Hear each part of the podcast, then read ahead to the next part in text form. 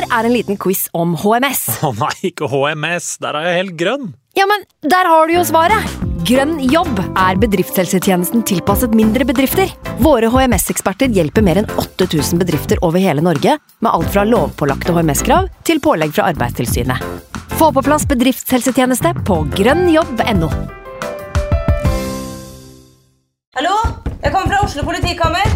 Ine Jansen er purk. Er du purk? The motherfucking bitch. Alt jeg vil, er å finne ut hva som skjedde med mannen min. Jon Carew. Er jeg sikta for noe? Iben Akeli. Det er du. Ole So, Lars Berrum og Big Daddy Karsten. Hvem sin side er du på, egentlig? Anette Hoff, Tone Danielsen, Kommer du fra Afrika? Jørnis Josef, Nesten. Kløfta. Trond Espen Seim, Det er synd å si det, men det var feil mann som døde. Purk. Premiere tirsdag på TV2 Play. I can't believe it. Football, bloody hell.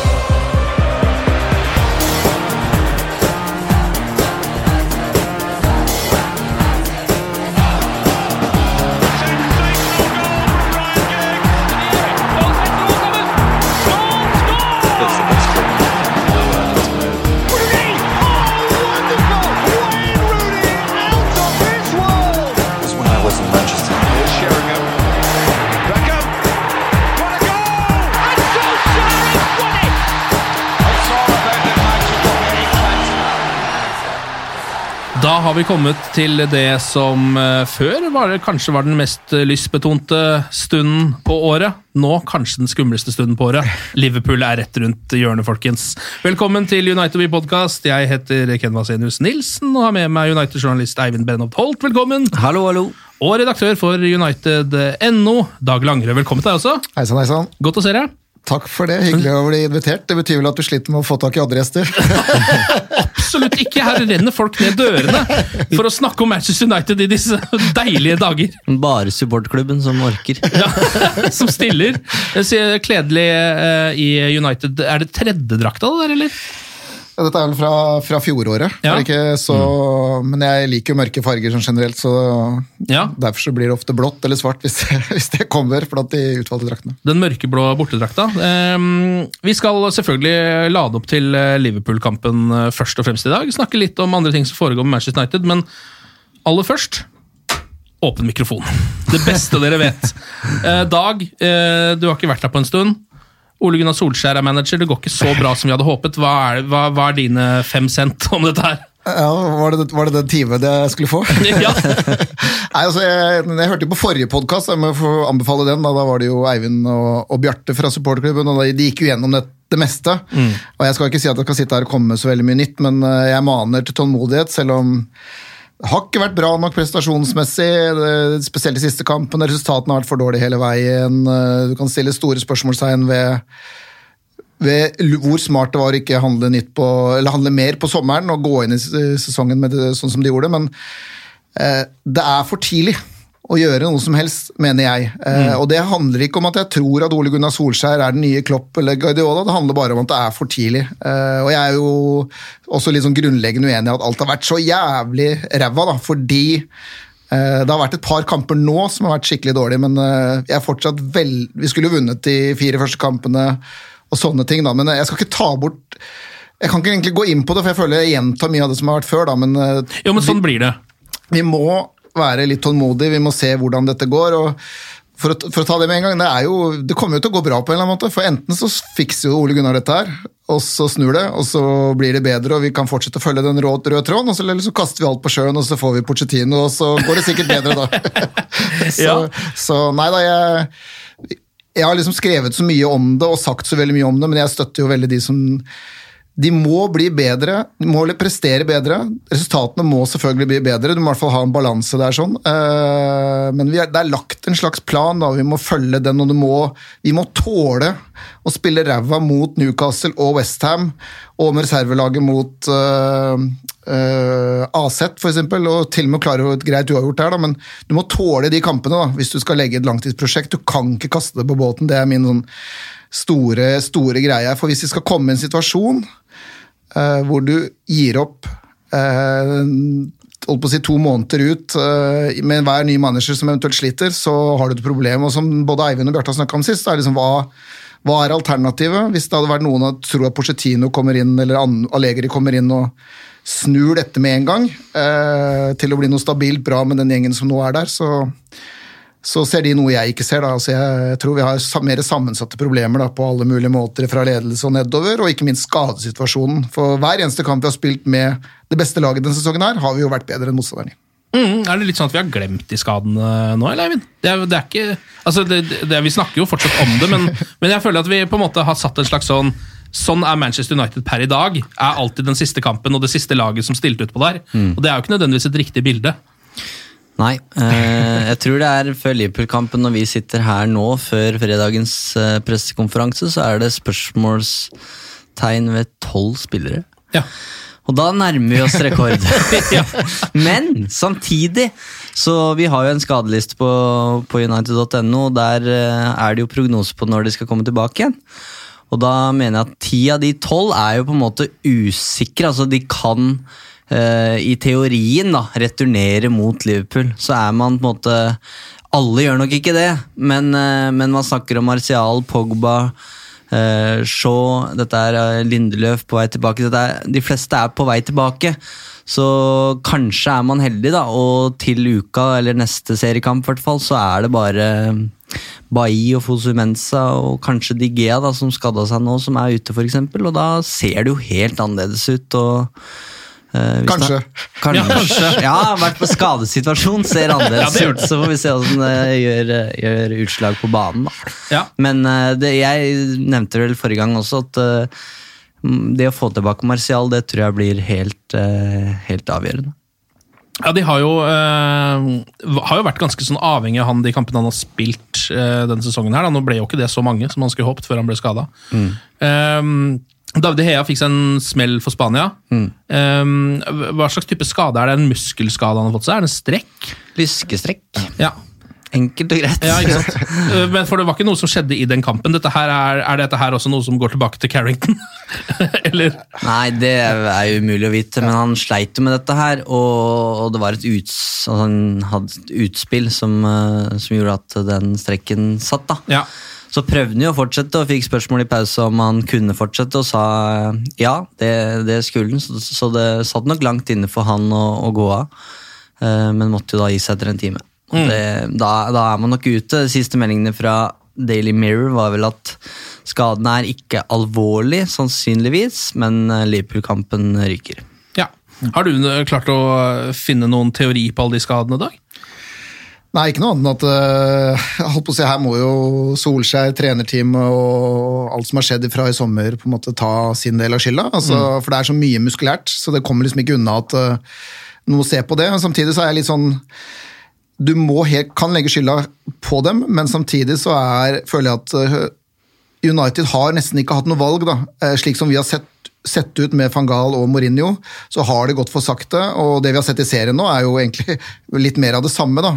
Men det man så på sommeren og har sett i deler med, i starten, hvert fall, så var det jo en annen type fotball de prøvde på.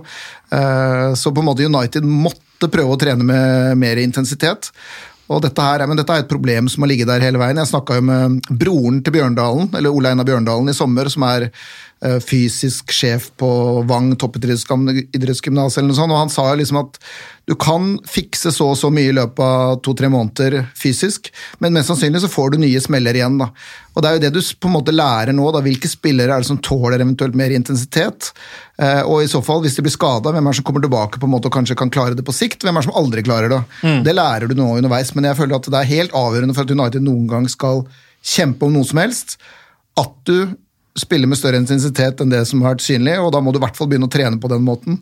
Og hvis du da forsvinner ut med skader underveis, så er det noe du må tåle nå, da.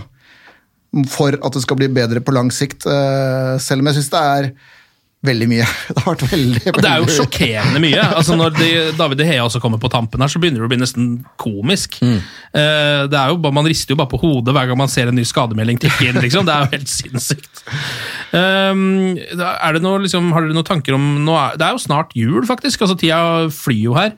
Eh, januarvinduet åpner igjen eh, etter nyttår, og så har vi en skadeskutt tropp akkurat nå. Noen er på vei tilbake, men det kan godt komme nye skader. Tenker dere at det må forsterkninger til? Jeg syns det er interessant fordi det har vært Jeg senser at det har vært et skifte. Eh, hvis man ser på den landslagspausen her og, og ser på hva som har blitt skrevet om Manchester United, da, spesielt i britisk presse, så, så handler det ikke så mye om Ole Gunnar Solskjær og Paul Pogba. Det gjør selvfølgelig det også, eh, men ganske kjapt etter Newcastle-kampen så kom jo de fleste rapportene på at han, han sitter trygt, liksom, inntil, inntil videre i hvert fall. Eh, og i ettertida nå, så har det liksom, spesielt nå inn mot Liverpool-matchen, så har det vært mye saker om Ed Woodward, om Glazer-eierskapet, om eh, Manchester United som fotballklubb, strukturen, organisasjonen. Og der er det jo kommet om, fram mye, mye interessant, og nå trekker jeg fram fra litt sånn forskjellige kilder, men The Athletic, det nye nettstedet der som, som har ansatt mange dyktige journalister, de har vært veldig veldig frampå, og der skrev jo i dag at uh, United har ambisjoner om å hente fire spillere i, i uh, januar. Og det høres jo veldig ambisiøst ut. Eh, ja. Egentlig urealistisk. Kanskje også litt krampaktig ut, hvis jeg skal være litt djevelens advokat her. Ja, hvis jeg skal kjapt innpå her, så er jo Jeg mener jo det bryter egentlig med det med å legge en rød tråd og stole på sine egne planer, men det er forskjell med, i hvert fall hvis det er fire. Men hvis det er snakk om noen korttidsløsninger fordi de rett og slett skjønner at de kanskje har overvurdert troppen, eller at de trenger noe annet, eh, så kan det være snakk om å hente en eldre fyr. da. Du, vi har vel snakka på forkant her om han Mandzukic mm. og litt sånne ting, som er blitt nevnt også flere steder. Altså. Så vil man kanskje forstå at det gjøres noe sånn, noen nevner Zlatan, og det er samme greie, men fire spillere altså Jeg ser liksom ikke for meg at du, du får jo ikke Jadon Sancho og den typen førstevalg i januar. I hvert fall ikke sånn uh, Historisk sett så gjør man jo ikke det. Uh, nå vet man jo aldri, da. Det spørs jo hvor mye penger de har tenkt å cashe ut på dette her også. Man betaler jo overpris i januar, det er vel en Det vet jo alle, på en måte. Ja. Uh, så hvis de skal altså nå, vet, nå, nå, vet, vi jo ikke hva som er planene til verken Solskjær eller klubben rundt dette her, men jeg tror jo at de, som oss, har sett litt på hvordan ståa er akkurat nå. Det har kommet flere skader enn man noen kunne forutse. Um, og at de liksom er, At de, de um, rett og slett har litt grann panikk. Men jeg tror, de, jeg, jeg tror, de, kommer til å være lojale mot den veien de har valgt nå. Da. Så lenge Solskjær er United-manager, så må de på en måte holde fast på den. Og så kan det hende, godt hende at man vil ha inn en Manzukic fordi det rett og slett bryter med den, da, men du er nødt til å ha en litt uh, tydeligere plan B eller, eller, eller noe sånt noe, da. Men Eh, alt som jeg har lest, hvert fall, tyder jo på at eh, United jobber sakte, men ganske sikkert mot et eller annet her. da. Og det han Daniel Taylor, som er en veldig dyktig journalist som har dekket United i, i mange år, skriver, er at de lærte mye av f.eks kjøpet av eh, Bastian Schweinsteiger. Man snakker jo ofte om Alexis Sanchez som liksom det store skrekkeksempelet. da. Men Schweinsteiger var jo også det, selv om det ikke er snakk om de samme summene. Men da fikk van Gaal rett og slett mandat til å hente Schweinsteiger kun basert på at han hadde et godt forhold til, eh, til Schweinsteiger på, på, det tidspunktet. Ja.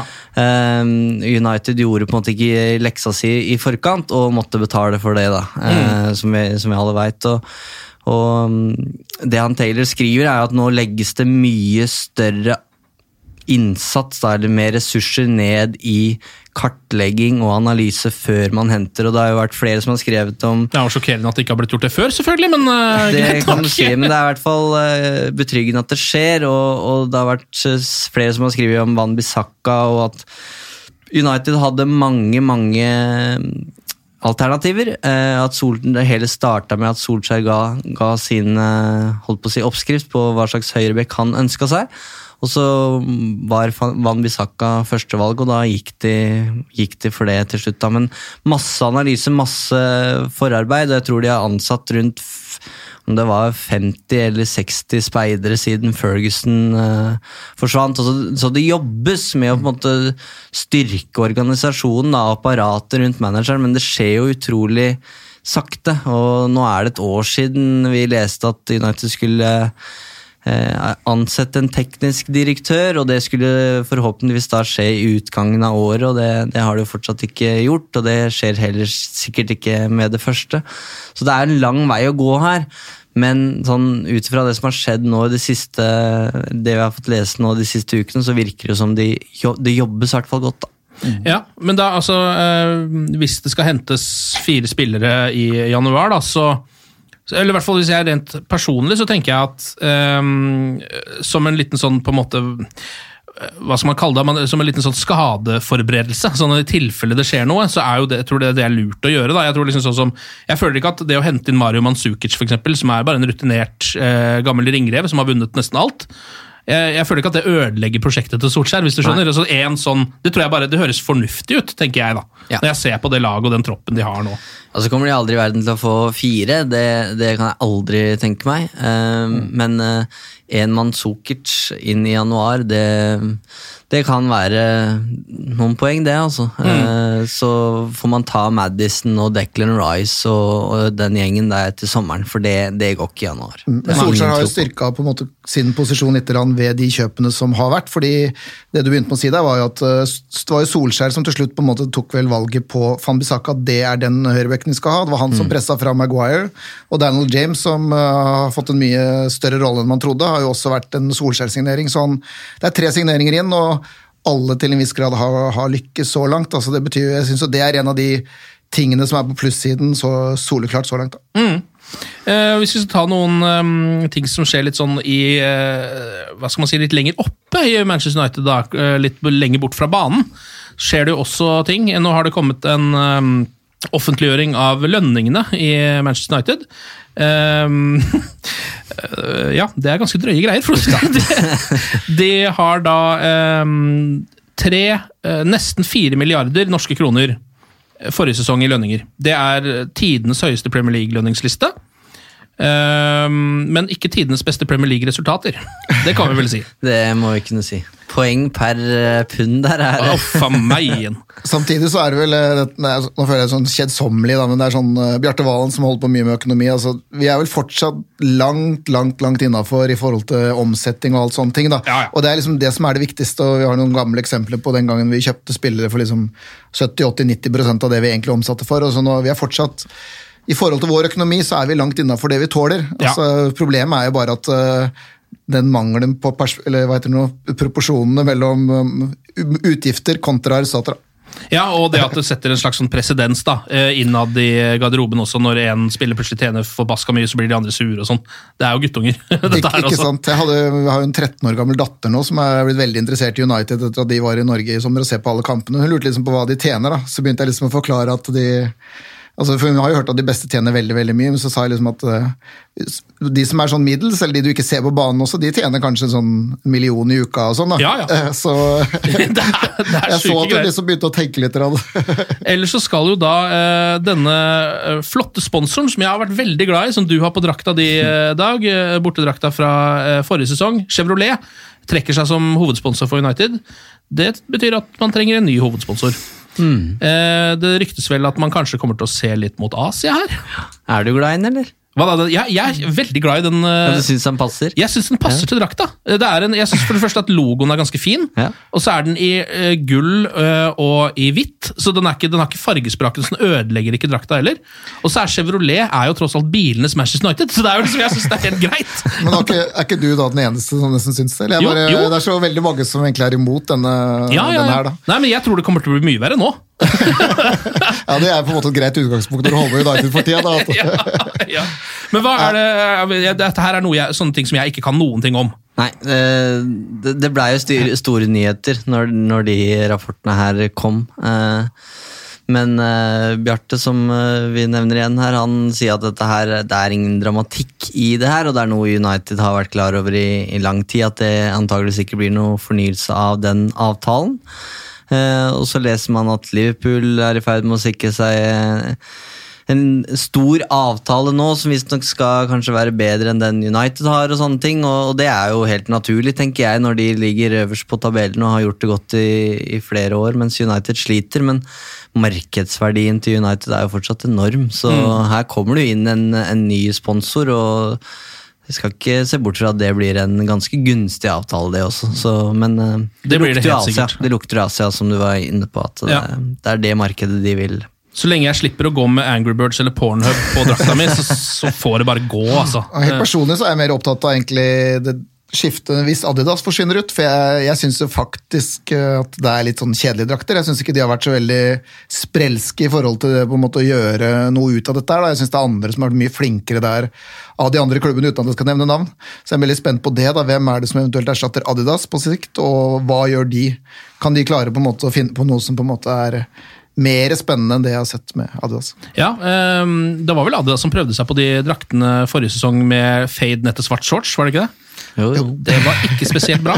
Det var ikke spesielt bra. Kunne vi ikke fått tilbake Sharp?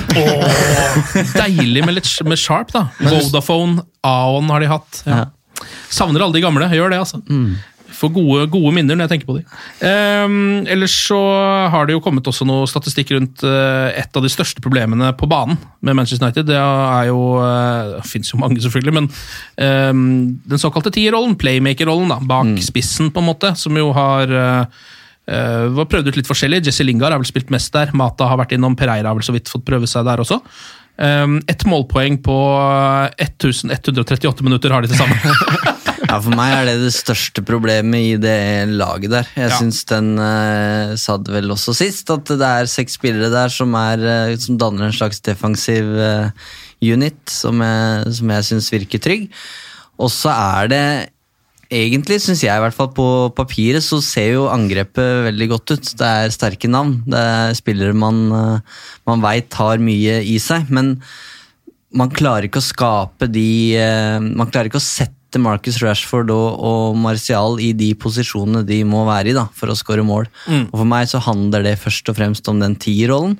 Uh, og i en 4-2-3-1, som, som Solskjær har sverga til i hele den sesongen her, så er jo den tieren en nøkkel. Eh, men Mata fikser ikke å spille der. Han er en flott fyr, han altså, og har vært veldig god til å spille fotball, men han har jo ikke fungert i den rollen i år.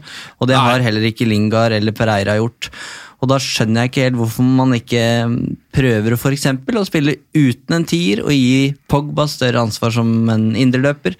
At han blir det kreative hjertet, for eksempel. Da. Eh, så det må på en måte Der må det skje noe. Enten så må noen gå og ta den rollen. Eller så, må, eller så må man eh, gjøre en endring, da, rent taktisk. ja. Jeg er helt, eh, helt enig i at det, det er merkelig at han har holdt så hardt på 4-2-3-en, eh, spesielt når skadene kom, og de da mangla de, de riktige personene i de rollene der. Men jeg er liksom tilbake til eh, Jeg vet ikke hvor relevant det egentlig er, men er sånn, jeg husker jo Molde det siste året, da når han var der, sånn, så, så sleit jo litt på våren. Og så gjorde de noen justeringer. Hussein ble liksom brukt defensivt og flytta Eikrem fram i tierrollen. Og da var det akkurat som alt løste seg for Ole Gunnar Solskjær den gangen. og Etter det så tapte du ikke en fotballkamp. Så jeg, liksom, jeg har jo sånn lite håp om at selv om det ser helt forferdelig ut rent prestasjonsmessig nå et par kamper, så med en riktig tier, eller en bedre tier, en mer kreativ tier, og også en ny høyrekant, da, så kan det være veldig mye som fort skjer da, eh, Ja. med, med det laget her. Så, eh, så det er ikke sikkert at vi er så langt unna til en viss grad, for Forsvaret, som Eivind sier, er jo blitt klart bedre. Jeg tror fortsatt at hvis du henger deg opp i denne såkalte expected goals og alt det greiene der, så jeg tror jeg ikke det er noen som har skulle sluppet inn mer mindre enn det United har denne sesongen her, ifølge disse understats og noe sånne ting. da. Ja, Det er jo noe man også har litt tendens til å glemme faktisk når eh, man ser United spille om dagen. er jo at eh, altså Det er jo en revolusjon i, i Forsvaret. Altså Bakover har det jo skjedd eh, har det tatt enorme steg. Det er bare at det overskygges litt at de ikke skårer mål, på en måte. Eh, for da vinner de ikke fotballkamper. Så det blir jo litt sånn. Eh, men, det, men ja, det er jo Det er jo alltid litt sånn barnslig å bare hive ut en spiller man skal kjøpe, men James Madison er jo løsningen på hele dette problemet. På mange måter så er han jo det. Ja, eller Paulo Dybala, hvis han bare hadde hatt litt lavere lønnskrav og faktisk ville Jeg aner ikke helt hva som skjedde der, men altså, Nei. det er veldig lett når jeg så Dybala hadde noen skåringer her sånn i en toppkamp i Italia, og tenke at eh, hadde vært en øh, hakket forbedring på, på United. da. Selv om Ja. jeg liker en eller annen sånn grunntakke der også, da, med at øh, skal du hente spillere, så skal det på en eller annen måte være riktig. da. De må ville det. at Vi skal ikke liksom inn i disse her som bare er ute etter lønn, men Ja, for jeg tror risikoen for at Paulo Dybala hadde blitt Alexis Sanchez eller Angel Di Maria er, eller Memphis Depay for den saks skyld er litt for stor.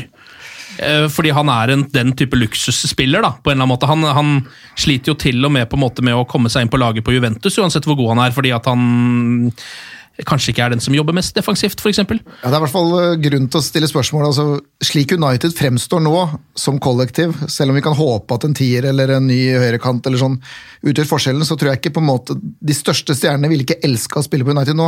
Nei. Så Da Men- må du ha noe grunnleggende ønske om å være i Manchester på on a rainy day. Altså. Ja, ja, ja, selvfølgelig. Men så er det jo men for sånne spillere som f.eks. James Madison, da, som jo, er, som jo spiller Leicester. Han er eh, landslagsspiller, men får ikke spille så mye på landslaget, fordi de har andre folk der. på en måte. Han er jo en sånn som et sånt klubbskifte for han til en storklubb. Uh, hvor han får spille fast, og han er engelsk. Uh, det tror jeg liksom er egentlig match made in heaven. da, På alle Men- mulige måter. Snakker vi en milliard, liksom? Ja, det var det jeg skulle til å si. Det er jo, Når du kjøper Maguire for uh, det de gjorde, så vil du ikke, de vil ikke slippe han for noe mindre enn det. Og Nei. Da snakker vi en milliard.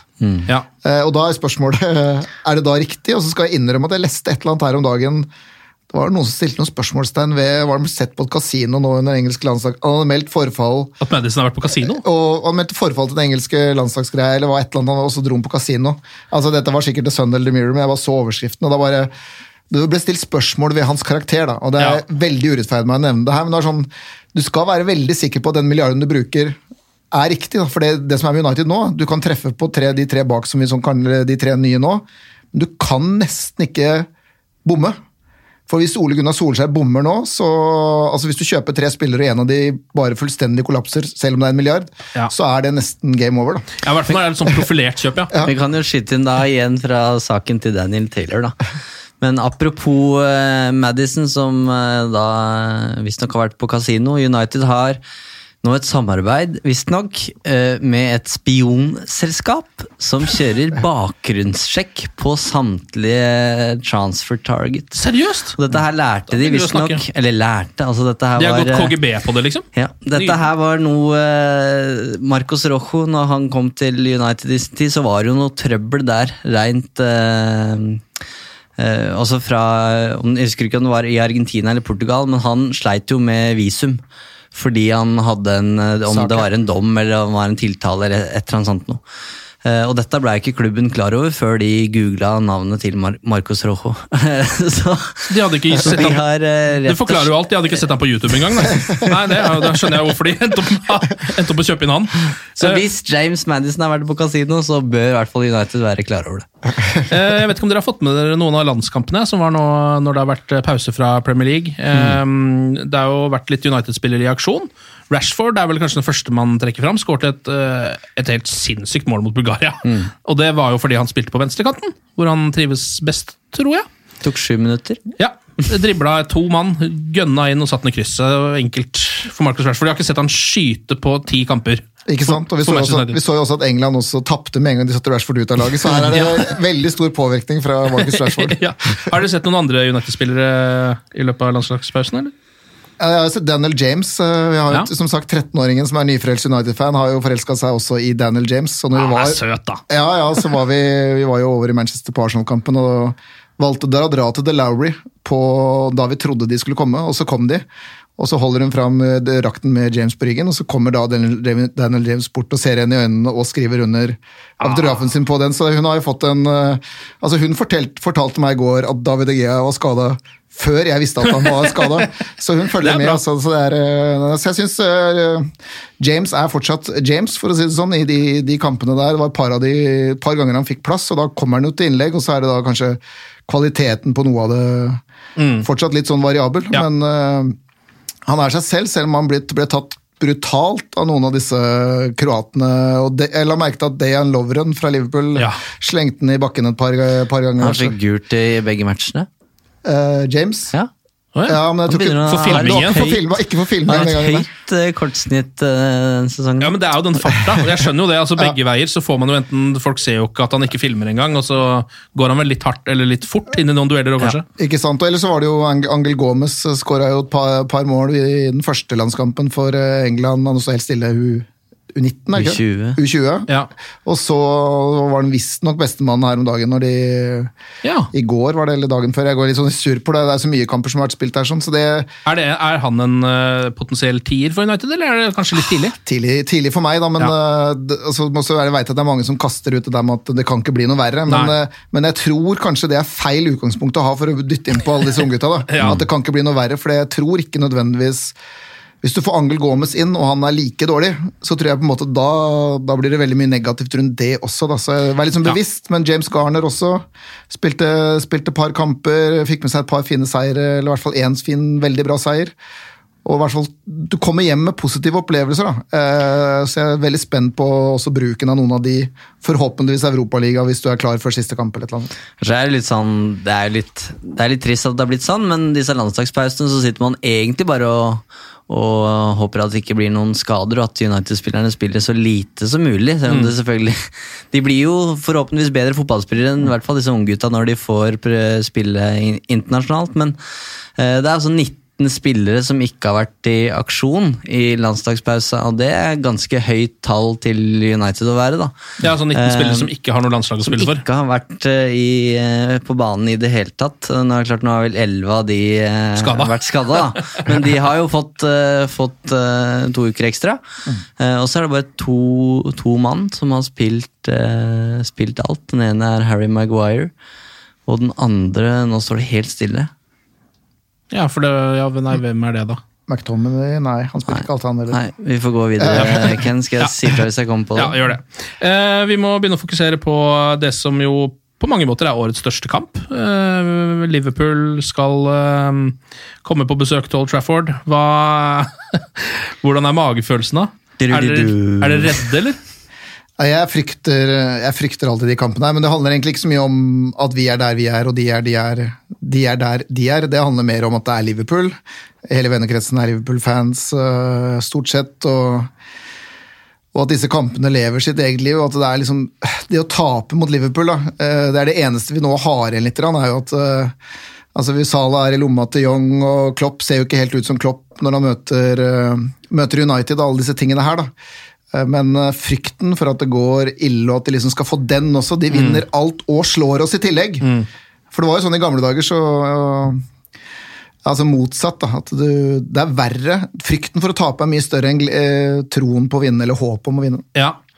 Um, og det er liksom, ja, det er jo på en måte the last frontier, at de, at de ikke skal bare liksom på en måte snuse på Premier League-gull, men også på veien slå Manchester United. Hvis de gjør det, så har vi kun nesten igjen da, at vi har 2018 i ligagull, og kanskje 2019 etter denne sesongen. her, men altså, Det er det eneste vi har igjen. da, og Da blir det litt som i gamle dager, når de sa at uh, ja, vi har flere eller europacuptitler enn det, det Vi følte ikke at det gjorde så veldig vondt, da, men uh, så det å bare ha 2018 tilbake eller 2019 tilbake, det, det vil liksom være veldig lite å slå i bordet med motsatt vei.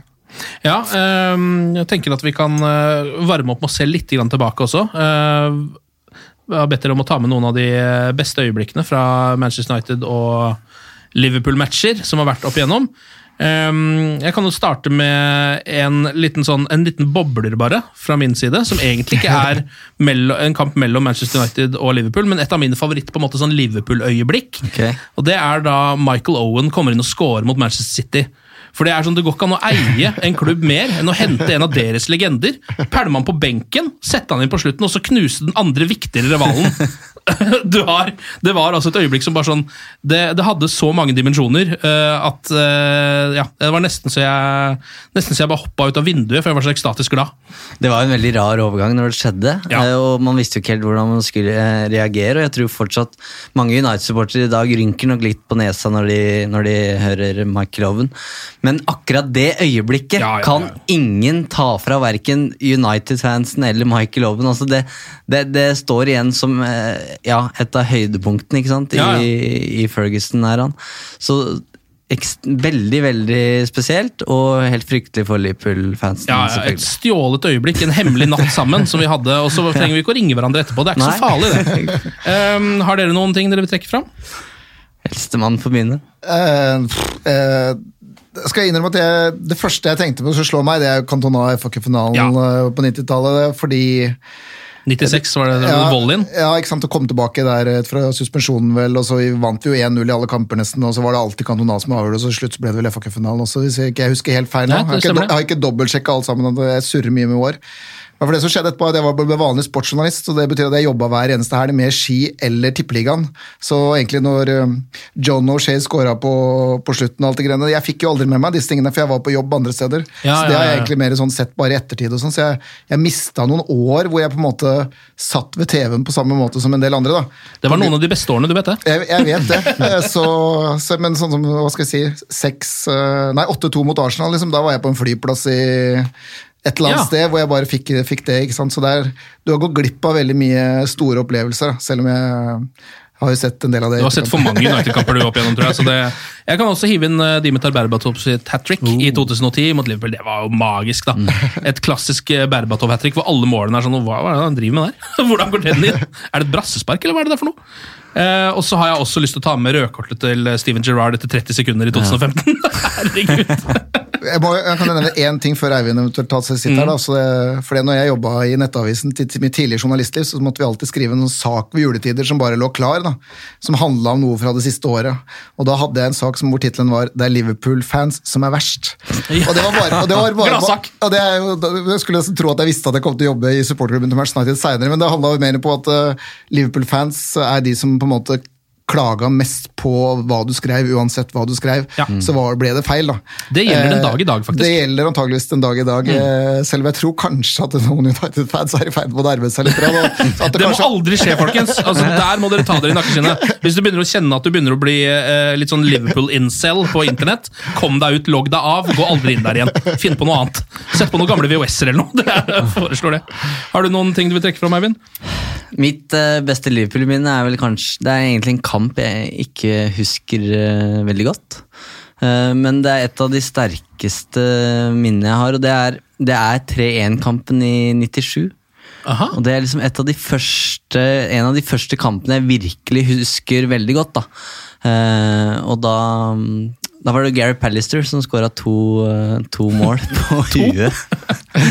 og Andy Cole det siste. Men jeg, jeg vet ikke hvorfor, men jeg husker det veldig godt. Jeg har de måla. De eh, de er permanent i hodet mitt. Sikkert det første derbyet du husker. er nok altså, det. var gammel nok til å huske, på en måte. Ja. Kanskje noe med at jeg skjønte da hvor mye det lokaloppgjøret betydde.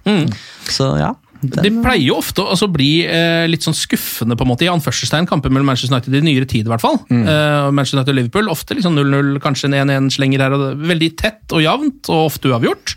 Blir det sånn nå, eller? Altså, Ja. nå, Liverpool kommer jo fra 17 strake, eller hva fankeren det er nå. De må jo tape en gang, de òg, på en måte, eller i hvert fall spille uavgjort. Min bestemor, jeg var på hytta under høstferien, nå, og da sa, eller ikke bestemor, svigermor, sa da at øh, Jeg slo nemlig på mobilen og så at det var 1-1 mot Leicester, for da slo jeg i 91. minutt. da. Så sa jeg jøss, de taper poeng, og så sa hun nei, det var ikke bra. De må fortsette å vinne, sånn at på en måte tapet kommer mot Manchester United. Ja. Og så vant jo faktisk Liverpool den kampen til Ja. slutt. da. Så de er jo på en måte da ett skritt nærmere tapet. Ja. Det stemmer, men jeg er fortsatt uh, svært usikker på om vi er gode nok. Men det skal sies, og det syns jeg er veldig viktig å få fram, alle som snakker om braktap, altså Liverpool har ikke vært Altså de har vært feilfrie resultatmessig, de har overhodet ikke vært feilfrie prestasjonsmessig på bortebane. Nei. Og United Og de har hatt eh, en nedadgående kurve de siste fire-fem kampene også. Ja, og United har jo et par greier der med at vi har vært gode som regel etter landslagspausen. Nå har vi hatt flere spillere som kanskje har fått trent enn Liverpool også tilbake på, på Carrington. Eh, og vi har, generelt så er vi bedre mot de beste, fordi de beste tør, tør å møte oss litt høyere i banen.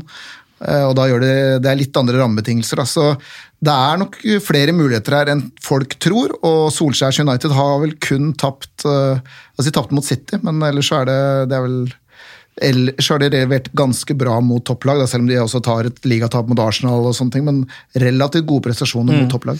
Jeg skjønner heller ikke hvor et sånt braktap skal komme fra. da. Eh, For meg så vil det være mm, Det må være en psykisk knekk i så fall. klar himmel. Ja, At det er en tidlig tabbe eller et straffemål, eller noe sånt, og så knekker det bare. For det første så syns jeg ikke det er noen ting som tyder på at uh, Solskjær er i ferd med å miste garderoben. Det er noe som har uh, snakka mye om, at enkeltspillere er misfornøyd med treninger og, og sånne ting, men husk på at en tropp er ofte på 25 mann, og det er tross alt de 11 som skal spille, de er som regel uh, fornøyd, og det virker det som de er. De spiller for, eh, for Solskjær. Og det er jo noe av det vi har sett, syns jeg, både mot Newcastle og i andre kamper, at innsatsen er jo der. Eh, og så har ikke det strekt til de siste ukene, men, men, men da Hvis ikke den hadde vært der, hvis det hadde vært litt sånn mytteritilstander som det faktisk var eh, Det virka i hvert fall som det var det under Mourinho et par eh, ganger. Så kan man jo begynne å frykte hva, som, eh, hva vi får servert. Men her er det et lag som kommer til å gi, dem, gi det meste. Eller gi alt de kan i en, i en sånn match. Og de spiller jo ikke bare for Solskjær, men også for seg, sjøl. Det, det skjønner de.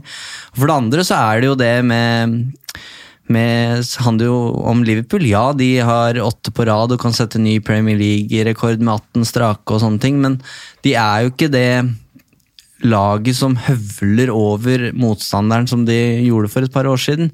De har blitt en mye mer kynisk, eh, mye mer kynisk tilnærming til det. Og det spesielt Paul Trafford så syns jeg Jørgen Klopp har vært forsiktig, både mot Mourinho og mot uh, Solskjær. Og det tror jeg han kommer til å være nå. Han skjønner at han kan ikke styrte i angrep mot et United som har den kontringsstyrken som de faktisk har. Da. Spesielt hvis Pogba og Martial er tilbake, og man har Rashford og James i tillegg. Så kan du ikke gjøre det. Og Liverpool har, som Dag har vært inne på, de har Ja, de topper tabellen og alt det der, og er et av verdens beste fotballag for tida, men de har også vært heldige. De har hatt marginene på, på, sin side. og Det viser jo de inneliggende tallene. Så jeg syns alt, alt ligger til rette for akkurat det du sier, at det kommer til å bli tett og jevnt. Og så må vi huske på det United-fansen sa når, eh, når Liverpool var holdt på å si der vi er nå. Uh, du må skrelle bort form. Det har ikke noe å si hvor Ja. du ligger på tabellen når, uh, når man uh, spiller et sånt lokaloppgjør som nå. Og det glemmer man litt når du er på en måte underdoggen, ikke sant? Men det er jo det Jørgen Klopp og Liverpool-fansen sannsynligvis tenker, at her spiller det ikke noen rolle hva slags form uh, laget er i. Det er de 90 minuttene på Old Trafford, og det blir jo Det blir Alle veit hva som ligger i potten der. Så det, det er ingen som kommer til å gi seg med det første der. Det blir jo 0-0 i februar. Eh, Da hadde vi vel tre, tre, da vi hadde tre bytter før pause. og De hadde jo en gyllen sjanse til å slå oss, men likevel så klarte de vel nesten ikke å skape målsjanse. og Til slutt så var Chris Malling nesten nærmest å tuppe inn, tuppe inn 1-0. da, og Da var riktignok vi i bedre form. Eh, Men det var fortsatt egentlig to poeng da som ødela hele ligagull mm. for Liverpool. da, sammen, De spilte uavgjort også mot Everton. så den gangen også så var jo, tror jeg Liverpool var oddsfavoritter i større grad enn de noensinne hadde vært mot United. og Nå vil jeg tippe, uten at jeg sjekka det her, at de er minst like store oddsfavoritter. Men uh, som sagt, det, de, disse kampene lever sitt eget liv, stort sett. da.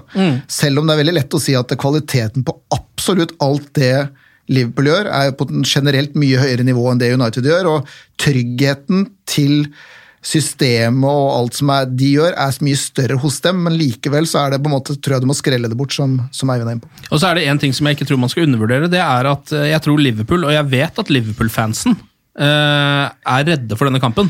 De har for mye å tape i den kampen her.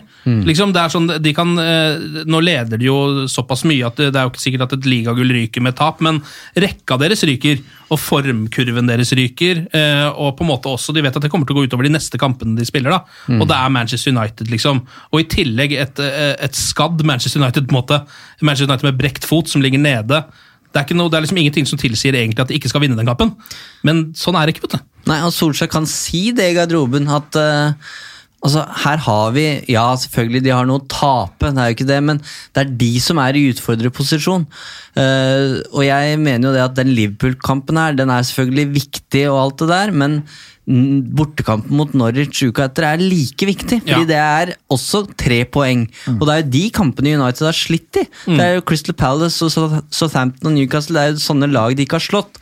Så om de ikke slår Liverpool på hjemmebane, som leder Premier League og er ubeseira, så er ikke det på en måte et nytt bevis på at uh, dette United-laget er for dårlig. Det er 19 andre lag også som kunne tapt for Liverpool. Ja. Men det er den Norwich-kampen, det er den som på en måte dessverre da, egentlig blir den neste testen i, i min bok. Eh, og dermed så har man på en måte alt å vinne mot Liverpool, og tenk den boosten det vil gi hvis det blir seier. Alle som er optimister nå, de sier jo det kan bli ett poeng. Det er det man håper på, det er det man tillater seg å håpe på.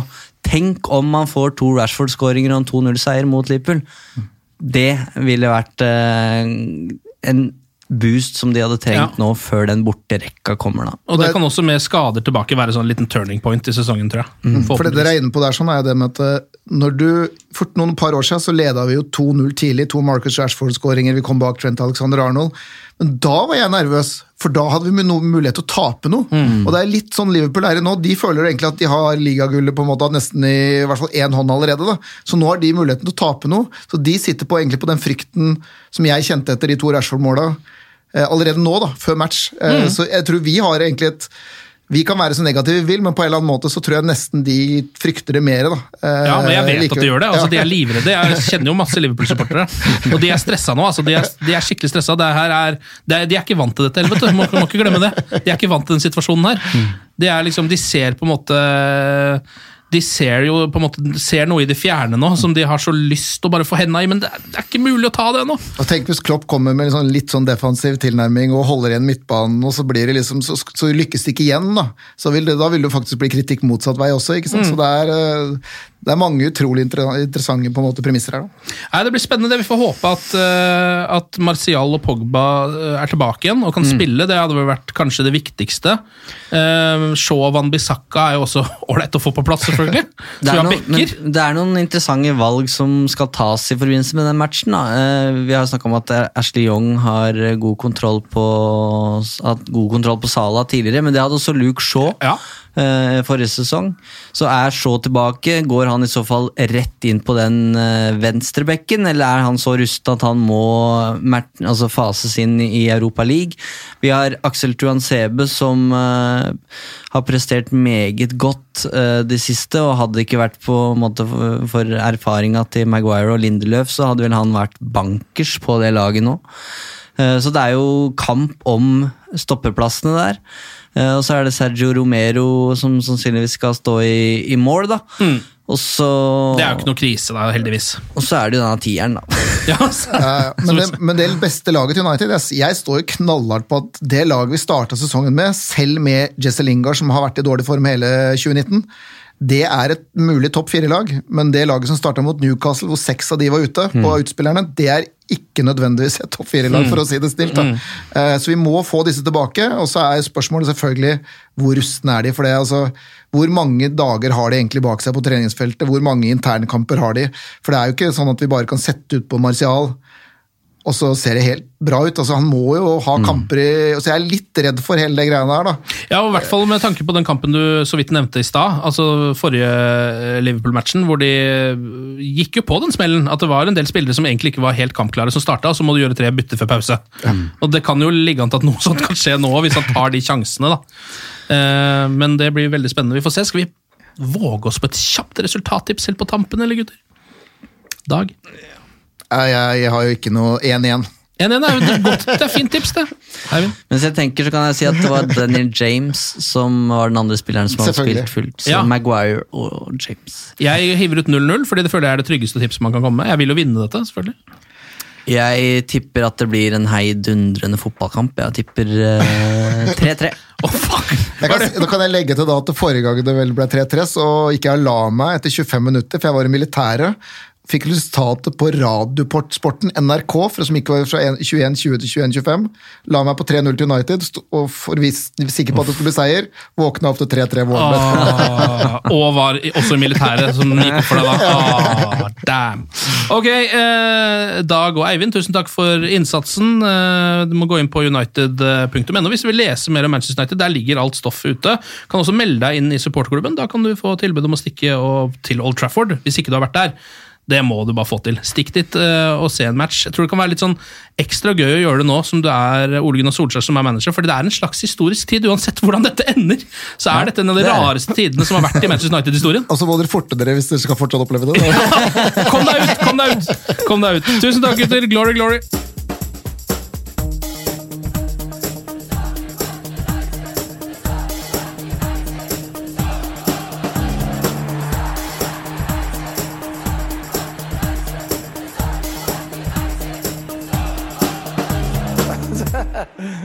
True. I've seen many things. Moderne media.